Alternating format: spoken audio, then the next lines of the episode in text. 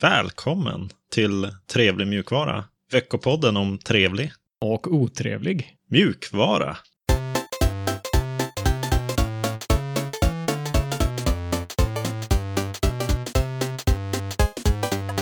Mitt namn är Alexander och med mig har jag som vanligt Seb.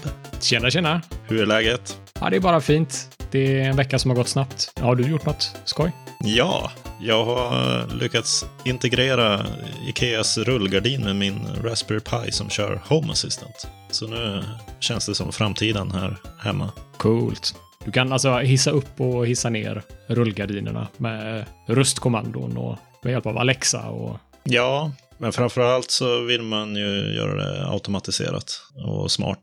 Så man slipper säga åt den att göra grejer. Den ska ju förstå när man ska ha det ljust och mörkt i sovrummet. Just det. Fräckt. Vad ska vi prata om den här veckan nu? Ja, denna veckan så är det vårt vanliga format med nyheter, otrevligheter, trevligheter och sen lite uppdateringar på våra utmaningar. Det är officiellt den eh, sista dagen för VIM-utmaningen. Och eh, sen har vi lite meta-uppdateringar i slutet. Spännande. Men eh, först nyheter.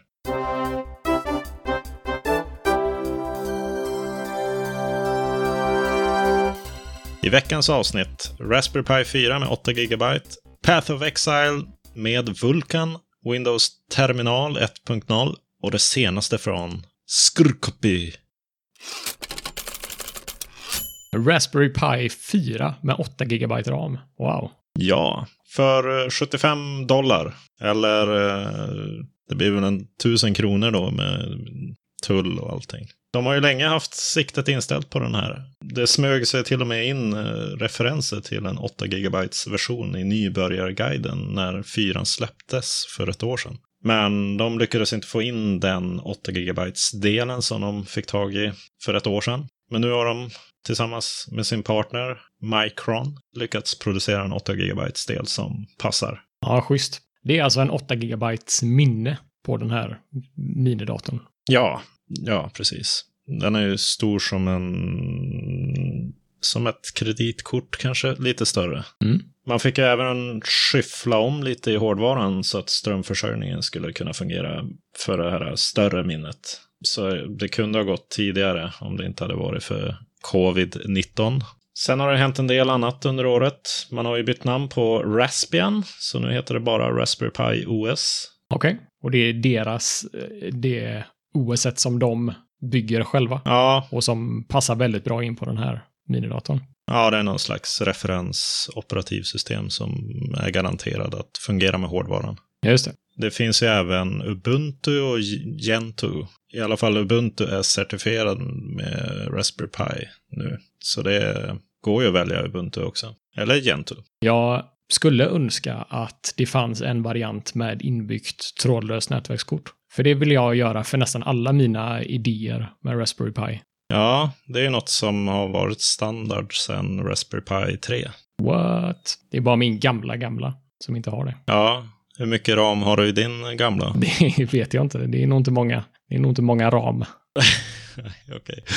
Är det 512 kanske? Ja, det kan det nog vara. I övrigt så i den här nyhetssläppet som de kom ut med så nämner man att man har sålt 3 miljoner enheter av eh, Raspberry Pi 4. Det är ju ganska eh, bra volym, tycker jag. Det är det. Sen har man min minskat priset på 2 gigabytes varianter med 10 dollar. De har fixat PXE, nätverksboot, så man kan boota från nätverksvärdar som kör PXE. Och de har fixat eh, prototypstöd för att boota från eh, USB-disk.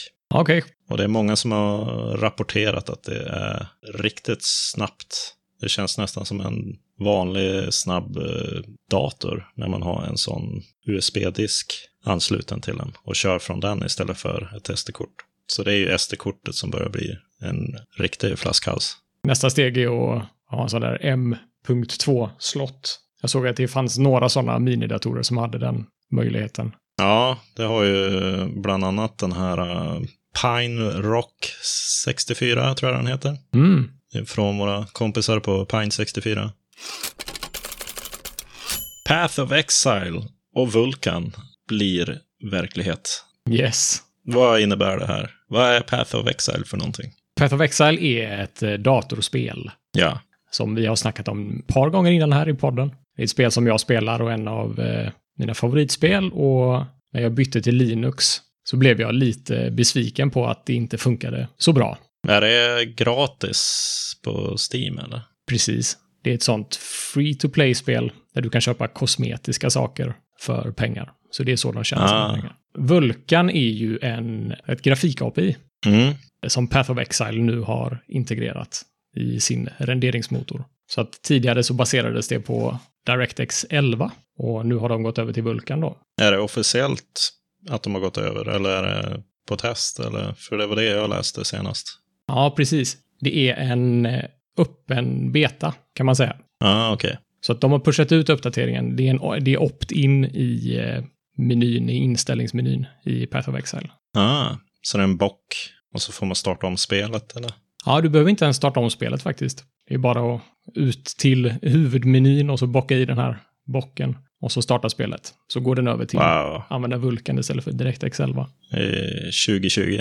Det som är eh, fint med den här Vulkan-lösningen är att det blir mer konsistent performance. Path of Exile är ett spel som har väldigt mycket, väldigt mycket effekter och shaders och partiklar på skärmen samtidigt. Så det är ett väldigt krävande spel, speciellt när man kommer in eh, lite längre i spelet och ens gubbe blir bättre så blir det ju mer effekter och partiklar och explosioner och sådär såklart. Jag har ju spelat det lite grann. Det, om man ska förklara det för någon ny så kanske typ som Diablo, Mm, fast på steroider. Då. Precis. Det kallas ju för ett ARPG, ett action-RPG-spel.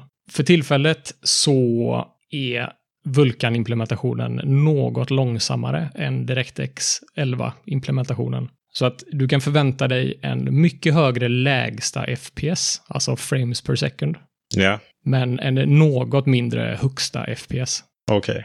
Men det är en eh, superbra trade-off. För att så som det har varit innan så har det varit eh, i princip ospelbart på Linux. Men det har även varit problem på Windows, va? Det har varit problem på Windows också.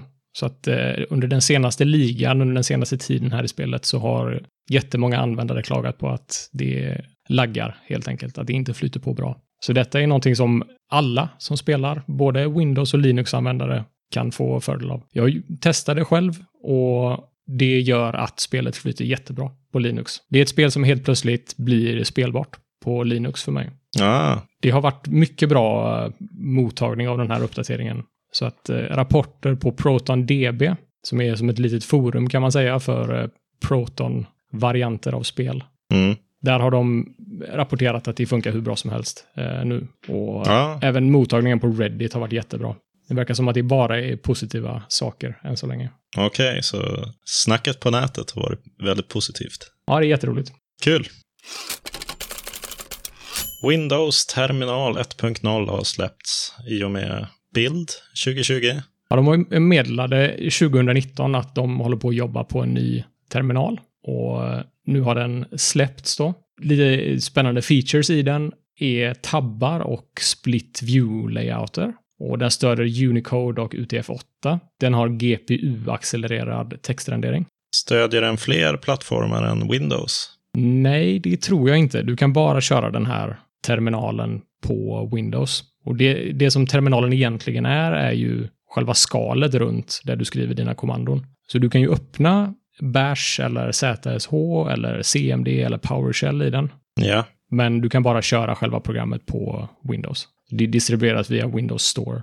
ja okej. De har också jobbat lite på themes och eh, customization, så du kan ändra färger och fonter och den typen av saker. Och de börjar ju närma sig hur terminalerna på Linux ser ut med stormsteg. Ja, de har ju tagit lite inspiration där, minst sagt. Det ser eh, cleant ut på skärmdumparna. Jag har inte testat det själv, men eh, det ser ut som att UIT är väldigt rent och enkelt. Så jag tycker det ser riktigt bra ut, rent visuellt.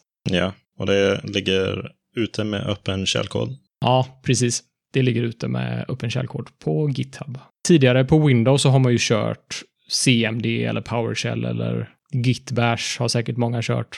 Finns det något liknande som heter CMDER Commander?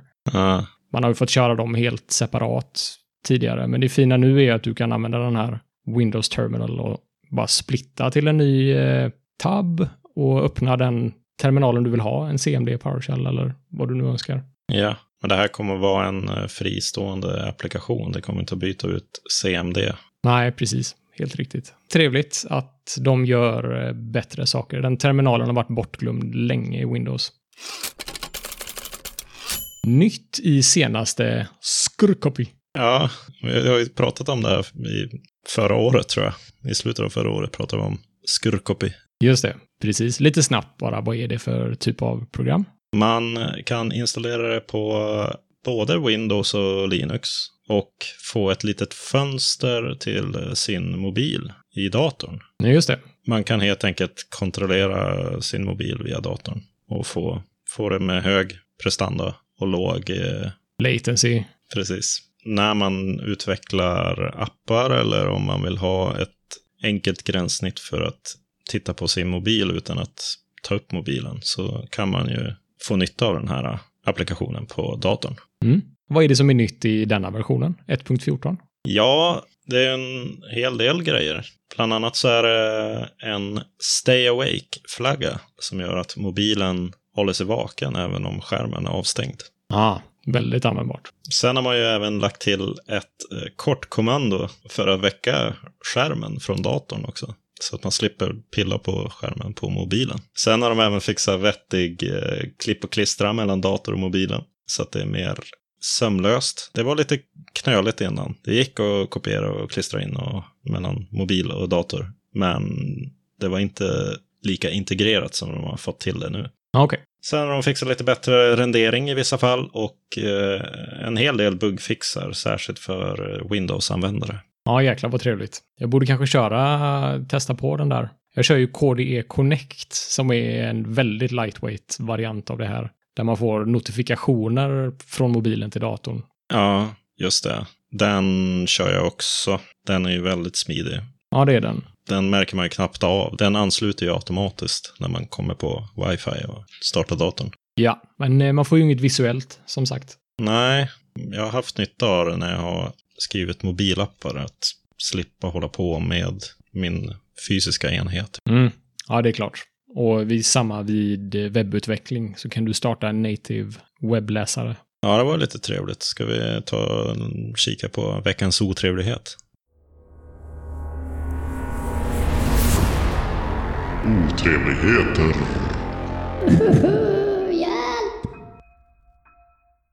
Microsoft gör bort sig. Va? Vad säger du? Det gör de väl aldrig? De gör ju det ibland. De är ju ganska stora, så det är svårt att hålla sig i skinnet på alla fronter antar jag. Ja. Vad är det nu de har hittat på? Det är flera exempel, men vi tar upp två berättelser som berättar lite grann om hur Microsoft beter sig i den här nya eh, open source-vänliga världen som Microsoft har fått befinna sig i. Just det, för de, det senaste har de pushat väldigt mycket på open source. Ja, inte bara pushat, de har ju köpt upp mycket open source-relaterade projekt. Mm. Och den första berättelsen är väl AppGet som nu kommer att dö. Just det. Och du kanske kan förklara vad AppGet är för någonting? Yes. Det står för Application Get. Ja, just det. Antar jag. Och det är väl ungefär det den gör också. Så det är en pakethanterare för Windows, helt enkelt. Mm. Många kanske har hört talas om Chocolatey, som också är en variant av det här. Och det här konceptet är ju en regel snarare än ett undantag på Linux-distributioner. Så det är helt enkelt ett försök att ge Windows-användare en bättre upplevelse för att installera applikationer. Så du kan göra det via din terminal med AppGet helt enkelt. Mm. Men nu har han ju dödat det projektet på grund av Microsofts eh, annonsering av Winget. Just det, precis. Så det är en utvecklare som heter Kivan Beigi som har AppGet som ett hobbyprojekt. Och han blev kontaktad av Microsoft för ett tag sedan, där Microsoft uttryckte intresse i AppGet, tyckte det var en spännande lösning och meddelade att de jobbade på något liknande, att de ville ha in den funktionen i Windows. Just det.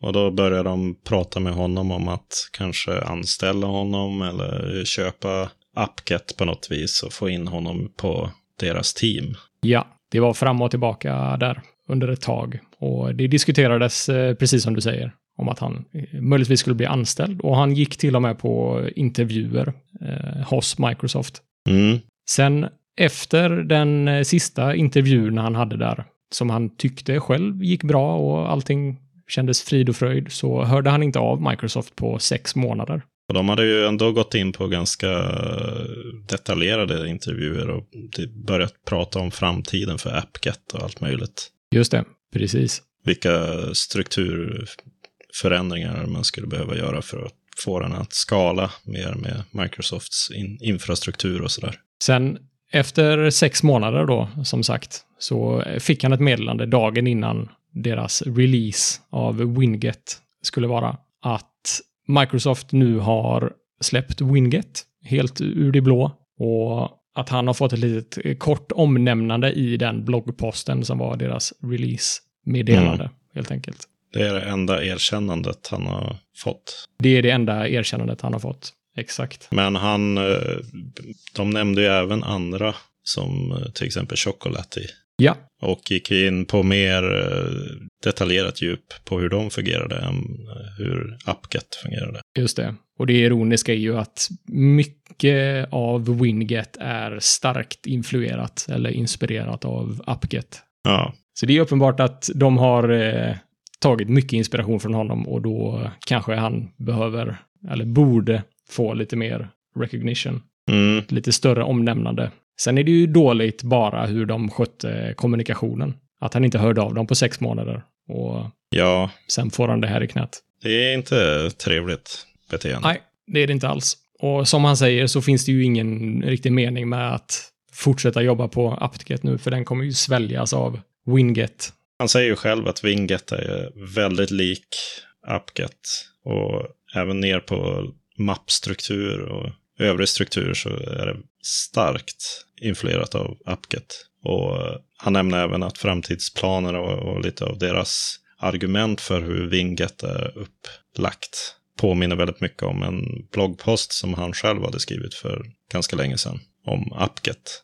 Ja, och jag tror inte att man får fokusera så mycket på att de faktiskt har kopierat och inspirerats kraftigt av hans idé och hans kod. För att det är ju ingenting som är copyrightat och eh, det är öppen källkod alltihopa. Så att de har ju inte gjort något fel rent tekniskt. Men de har skött hela situationen väldigt dåligt med honom. Ja. Har du fångat upp något snacket på nätet? Nej, jag vet inte vad snacket på nätet är. Jag kan väl föreställa mig att folk inte är så positiva till den här historien. Microsoft eh, blir ju... ja, de kommer ju inte bra ur den här. Det har ju varit ganska negativ respons på nätet. Ja. Jag tycker en användare summerar det ganska bra med besviken men inte förvånad är temat för 2020. ja, det kan appliceras på fler saker än det här. Ja, sen är det vissa som tycker att man istället för att forka AppGet på GitHub eller ens ge lite cred så tog man de bästa konceptet från projektet bara. Utan att ge någon slags cred överhuvudtaget. Det är väl den grundstoryn som vi försöker lyfta kanske. Ja. ja, det är inte så man gör det i uh, open source-communityt riktigt. Man har lite mer respekt för varandra än så. Så är det. Men de har ju även betett sig konstigt på annat håll också, i samma veva. Det här var ju, Winget kom från uh, Bild 2020 och nästa berättelse kommer ju också från Bild 2020. Mm. Och den handlar om någonting som heter Maui, eller hur? Ja. Vad står Maui för? Det beror på vilket projekt man refererar till, eller menar. Det finns flera projekt som heter Maui, menar du? Ja, det, det gjorde inte det innan. Men nu när Microsoft har annonserat sitt Maui-projekt så finns det två stycken. Aha, så det fanns ett redan? Ja, som eh, låg under eh, KDEs paraply. Som sedan 2018 funnits och hetat Maui Project. Och i det fallet så står det för Multi-Adaptable User Interface och ett slags cross-platform bibliotek för eh, att skriva gränssnitt i. Ja, okej. Okay. Cute. Ja, jag förstår. Medan eh, Microsofts eh, Maui såklart är något helt annorlunda. Ja, det är Multiplatform App UI. det låter precis som det du sa innan. ja, det är tycker de eh, skiljer tillräckligt för att stå på sig i, på GitHub. Så de gör i princip samma sak. Ja, det gör de faktiskt. Det är ju multiplattform, eh, bibliotek för att skriva grafiska gränssnitt. Ja, okej. Förvirringen är total. Ja, det kommer ju ursprungligen från eh, Samarin.forms. Och Samarin är ju ett cross-plattform eh, bibliotek som funnits ganska länge som Microsoft köpte för eh, några år sedan. Jag vet inte exakt vilket år de köpte det. Mm. Men de tyckte väl att det inte var tillräckligt hett namn. Så nu har de bytt namn på det till eh, Maui. Och det krockar ju såklart med KDEs Maui. Ja, Det är ju inte KDE egentligen som driver Maui, utan Maui får stöttning av. KDE. Ja, det här är ju jättedåligt för oss konsumenter som ska använda något av de här biblioteken. Om man gör en googling på Maui så Ja. vet man ju inte vad man kommer få upp. Det blir ju väldigt tufft som utvecklare och, och felsöka någonting eller ta reda på hur man gör någonting. Ja, och risken är väl att de här, den befintliga Maui, den gamla Maui, kommer att sväljas av sökresultat från den nya Maui. Eftersom Windows, den här Xamarin Forms som det hette tidigare, är en mycket större plattform. Ja, det är ju tyvärr så. Det påminner mig väldigt mycket om eh, SEO-helvetet, får man säga så, i en podcast. Ja, ja, det kan man väl få. Det är väl inget svordom, det är väl en plats. ja, precis. Angular och Angular JS, det där debaclet. Det hette från början Angular och sen när Angular 2 kom ut så döptes Angular 1 om till Angular JS.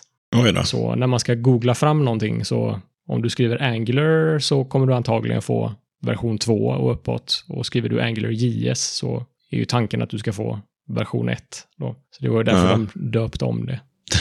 Ja. Ja, det var... Plattformen blev så pass annorlunda i version 2. Så jag, jag misstänker att det var därför de döpte om det. Ja, men det är ju, nu är det ju två olika, det är ju inte samma projekt, utan nu är det ju två entiteter som har liknande produkter med typ samma namn. Just det. Ja, det gör det ännu värre. Ja, Ja, det är otrevligt. det var också ganska omoget där i GitHub. Man skapade en issue på deras GitHub. Ja, och där försökte man ju diskutera konflikten. Men det blev ju ganska oprofessionellt. Så pass oprofessionell ton i det hela att man tog bort kommentarerna i efterhand. För Ja. det var många Microsoft MVPs som eh, betedde sig som barnrumpor helt enkelt. Eller översittare, jag vet inte vad man ska kalla det. Ja, äh, går man in och kollar på det issuet så är det 90% borttagna kommentarer. Men eh, det är nog rätt att göra tror jag. Jag håller nog med dem i det beslutet att ta bort de kommentarerna. För det är inte riktigt rätt plattform att diskutera något sånt där, kanske.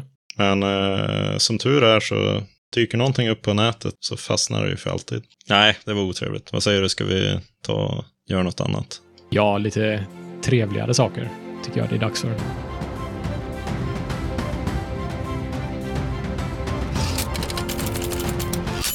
Mullvad VPN är en trevlighet vi ska prata om nu. Ja, precis. Kan du förklara lite snabbt vad ett VPN är? Ja, det är en slags tunnel som man sätter upp. En virtuell tunnel som går genom en VPN-tjänst så att man eh, poppar upp som en mullvad någon annanstans med sin nätverkstrafik eller internettrafik.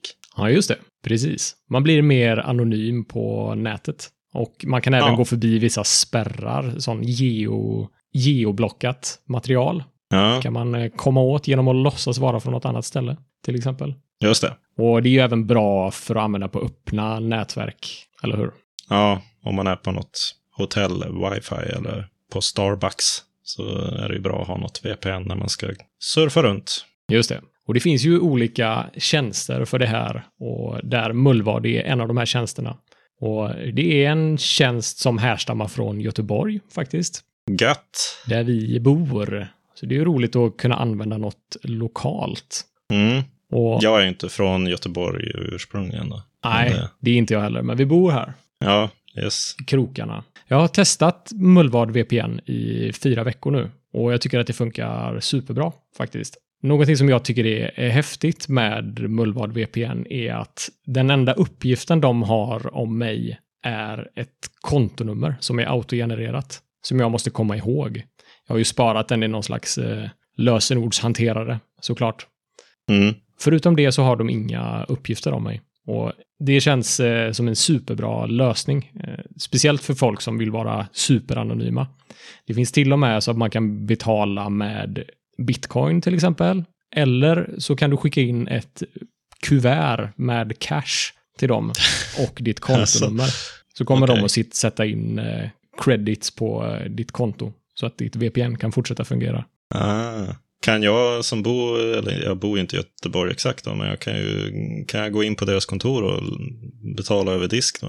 Ja, det kan du i princip. Jag vet inte om de uttryckligen har sagt att du kan göra det, men eh, du får väl lägga ett brev i deras postinkast bara. Ja. Så har du gjort din betalning. Fräckt. Ja, det tycker jag är lite häftigt att de erbjuder det. Eh, På deras hemsida så har de en superbra FAQ och jättebra dokumentation om hur de jobbar. Ja. Det finns två olika prismodeller. Så det ena är om du prenumererar så kostar det 5 euro i månaden. Och den andra varianten du kan välja är engångsbetalning. Och då betalar du 5 euro för en månad.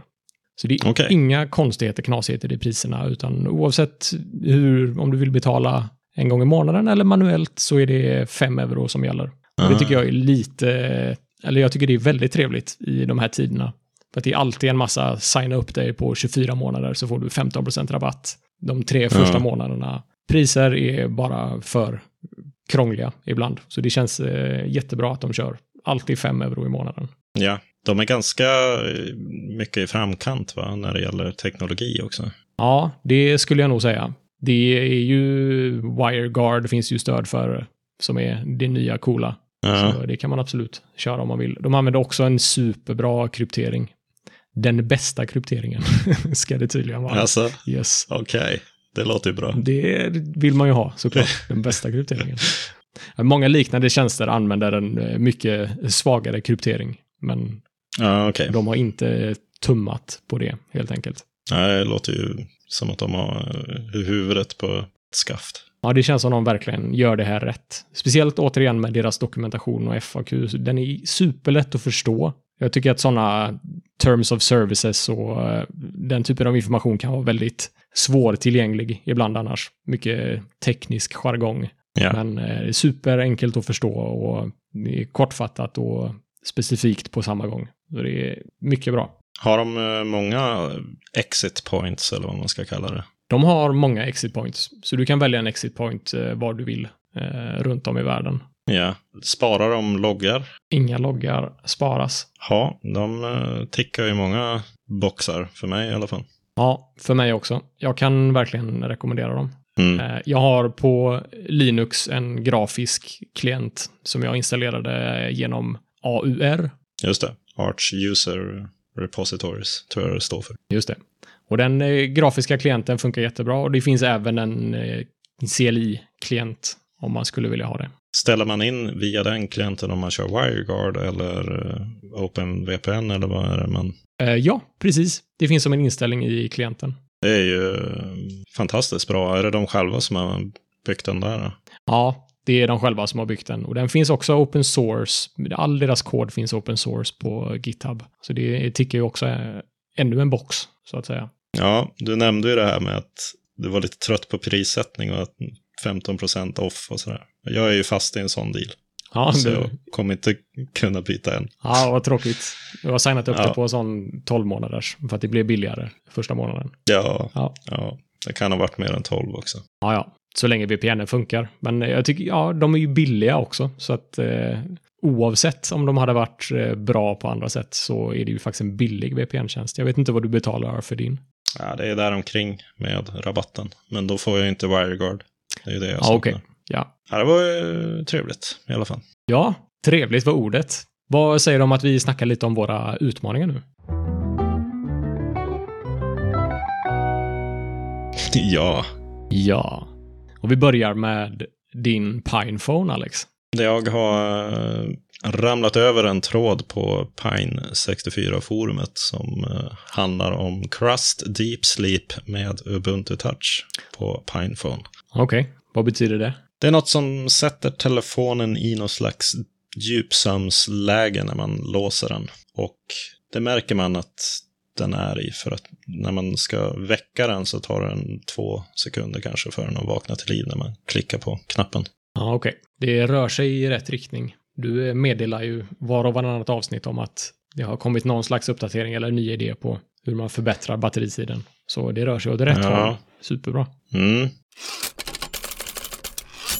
Och du har ju misslyckats med att skriva till ett SD-kort den här Ja, veckan. jag har inte misslyckats. Jag har inte ens försökt. Det tycker jag är hittar- mer du- rättvis. Ja, Okej, ja, Bedömning. men du, du, du hittar inget hål för SD-kortet Nej. att stoppa in i. Precis. Det är ju som du nämnde lite tidigare här avsnittet, att det är ju ett stort SD-kort.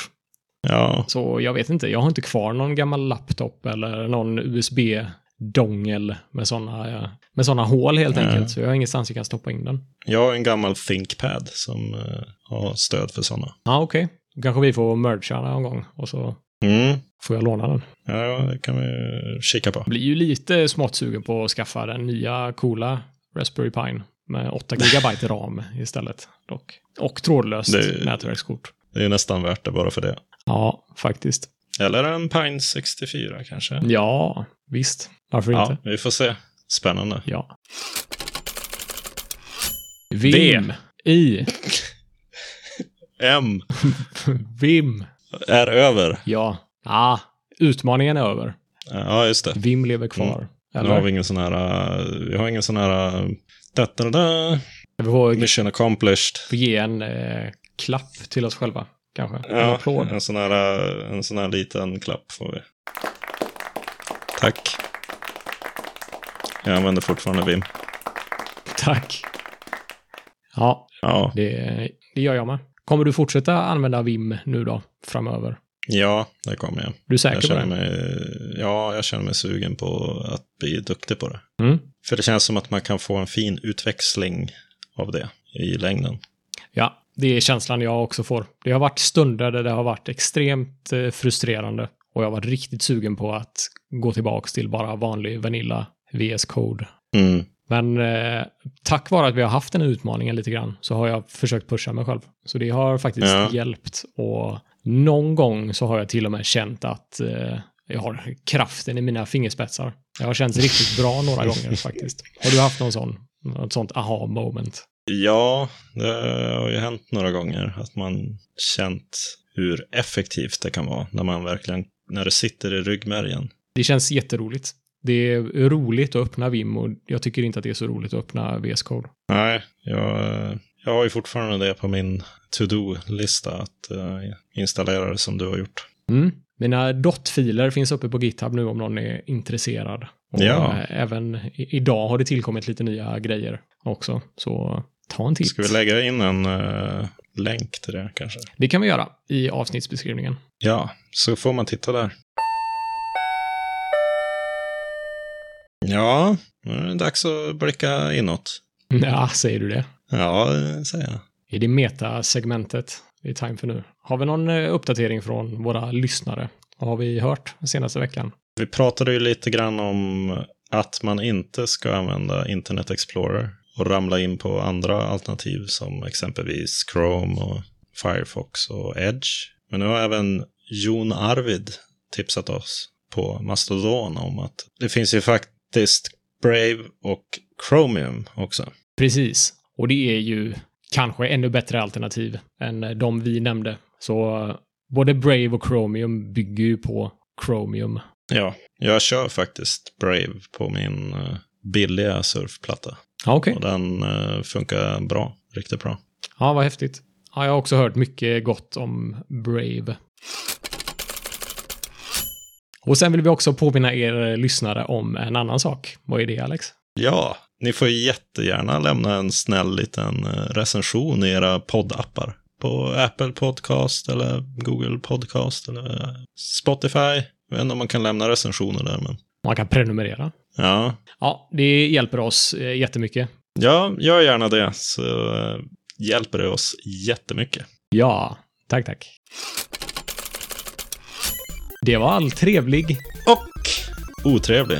mjukvara vi hade för denna veckan. Hör gärna av er till kontakt trevligmjukvara.se. Och eh, följ oss på att trevlig mjukvara på Twitter eller Mastodon om ni vill fortsätta diskussionerna eller ge någon annan input.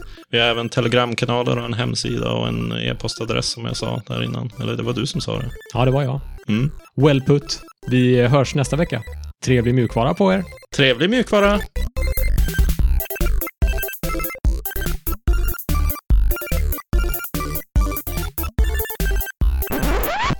Ja, det gör ju jättemycket för oss om ni skulle göra det.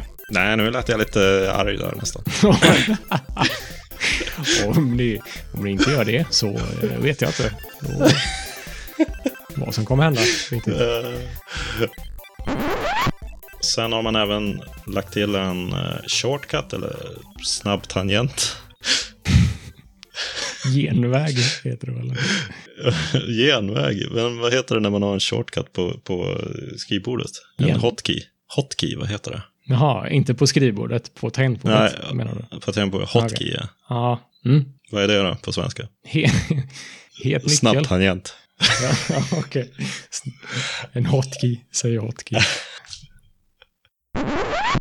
Kortkommando heter det, för guds skull.